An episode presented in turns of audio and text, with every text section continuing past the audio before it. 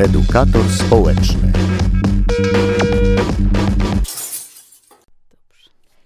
Witam serdecznie. Moim gościem jest Anna Jafernik z Żywieckiej Fundacji Rozwoju, e, pomysłodawczyni tak zwanego stypendium z pasją.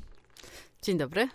Aniu, powiedz nam, co to jest e, stypendium z pasją? O co w ogóle chodzi? Stypendium z pasją to jest konkurs e, stypendialny, który organizujemy już e, w fundacji od kilku lat. E, właściwie taki bardzo, bardzo autorski program fundacji, a konkretnie jego sposób finansowania jest dosyć nietypowy, jak na polskie fundusze stypendialne.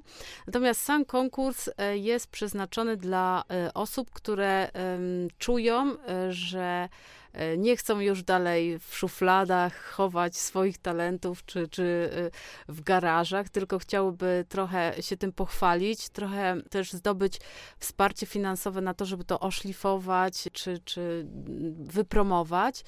To już w zależności od potrzeb, e, ale też uzyskać takie wsparcie merytoryczne od tutora, bo to, to stypendium tak łączy te dwie rzeczy, czyli wsparcie takie bardzo merytoryczne, osoby, która dopinguje, plus e, wsparcie finansowe. I w tym roku ogłaszamy właśnie taki konkurs półroczny, nietypowy ze względu na też nietypowy pod kątem zbierania funduszy rok ubiegły. Ja pamiętam taką sytuację, że kiedyś oglądałam, chyba to był Teleexpress mhm. i zobaczyłam, że z żywca można kupić bułkę z pasją, tak? tak Dobrze tak, tak pamiętam? Tak, dokładnie tak.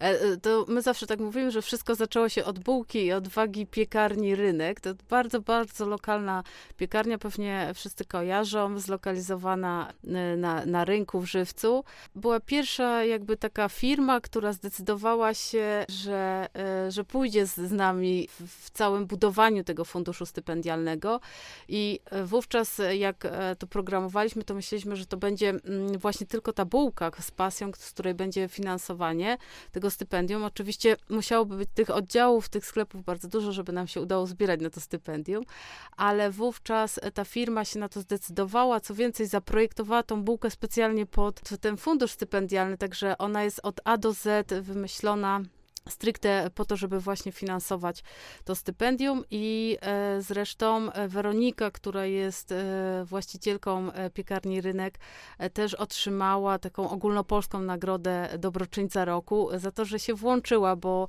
bo z dużą odwagą weszła, weszła w ten fundusz, tym bardziej wtedy to było bardzo innowatorskie i bardzo nowe. Ale o ile się nie mylę, to teraz już więcej przedsiębiorstw wspiera wasze działania, zgadza się? Tak, obecnie tych, tych producentów producentów z pasją jest dużo więcej i oni mają dowolność, że nie musi to być coś nowego, to może być coś, czym już dysponują, e, jakieś produkty, które po prostu nazywają ten, ten jeden wybrany, to jest właśnie produkt z pasją i część zysków właśnie z tego produktu e, idzie na fundusz stypendialny. Dla nas to jakby ten, e, ten program stypendialny ma jakby taki podwójny wymiar, bo z jednej strony wspieramy zdolne osoby z Żywiecczyzny, które wspaniale ją promują, reprezentują. Jest to niesamowite niesamowite, że w tym procesie też, e, też możemy uczestniczyć. Natomiast z drugiej strony jest to fajny program po to, żeby promować takich bardzo, bardzo lokalnych producentów, przedsiębiorców, e, właścicieli restauracji, którzy się włączają w ten program i, i to jest dla nas bardzo, e, bardzo ważną sprawą. I jak wspominam o roku ubiegłym, który był bardzo trudny dla, dla przedsiębiorców i osób posiadających swoje własne biznesy, to tu rzeczywiście musieliśmy się posilić jeszcze portalami do zbierania e, na, na fundusz stypendialny.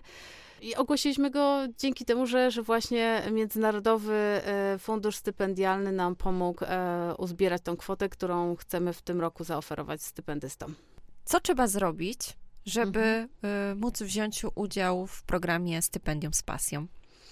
Jak w każdym programie trzeba wypełnić aplikację. Ona jest dosyć e, nieskomplikowana, po prostu e, jest w tym roku też e, totalnie elektroniczna, nie trzeba do, do, dosyłać żadnych dokumentów. Wystarczy wypełnić za pomocą formularza Google um, aplikację. W której głównie nas interesuje to, jak, jak te osoby chcą rozwijać swoje, swoje pasje, swoje talenty, czy mają na to jakiś pomysł, czy to jest jakiś ubrany w jakiś konkretny projekt, czy chciałby zdobyć dofinansowanie na jakieś wypromowanie tego. No, to nas interesuje. Mniej nas interesują oceny i średnia. Co jest o też... to miałam zapytać właśnie, tak. co ze zdolnymi osobami, które w szkole nie do końca zawsze sobie super radzą.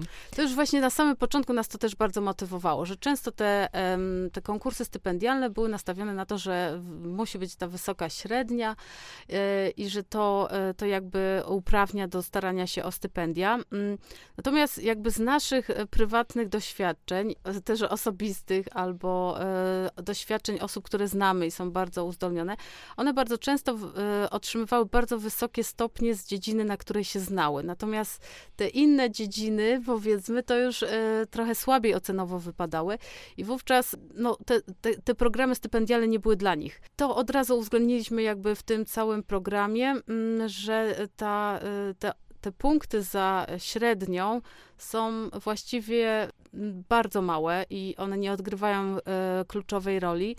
Natomiast y, takie mm, osiągnięcia w, dziedzinie, w której ta osoba się specjalizuje, już tak.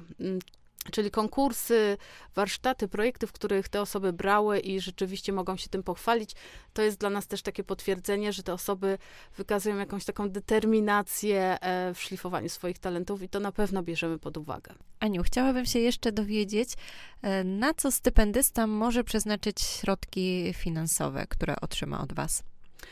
W umowie nie mamy tego jakby bardzo ściśle określonego, że jest jakiś katalog kwalifikowanych kosztów, które można ponieść. Tak, e, e, tak naprawdę e, na wszystko, co pomaga tej osobie w jakby w, w, tym, żeby, żeby e, jakoś zdobywać nowe umiejętności w konkretnej dziedzinie, która jest jego pasją, e, talentem. Mm, czyli to może być równie dobrze dla studentów, na przykład pokrycie, może teraz akurat w tych czasach nie bardzo, ale zdarzało się tak, że te osoby pokrywały sobie wynagrodzenia za jakieś warsztaty, konsultacje, za udział w w konferencjach naukowych. Bardzo często to były bardzo kosztowne rzeczy, bądź kursach językowych, które były im potrzebne do mm, zdobycia odpowiednich certyfikatów. Y, I takie koszta pojawiały się najczęściej.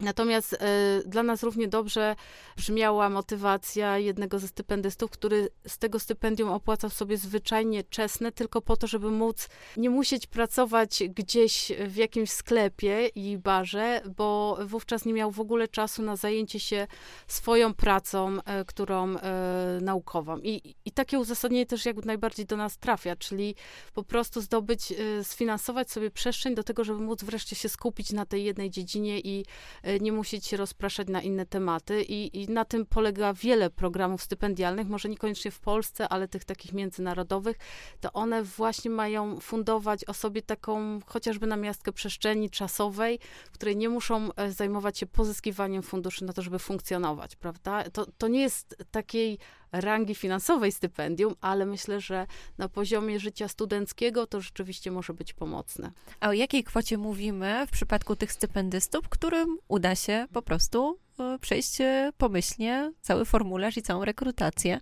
Te stypendia w tym roku określiliśmy od 100 do 300 zł miesięcznie, natomiast można też tą kwotę E, przy odpowiednim uzasadnieniu uzyskać w formie e, jednego, jednorazowego grantu, jeżeli, bo pojawiały się takie wnioski i te osoby musiały e, zbierać niby w ratach, jak wcześniej mieliśmy wypłaty miesięczne, mm, zbierać w ratach na to, żeby pokryć jakieś bardzo drogie, certyfikujące szkolenie.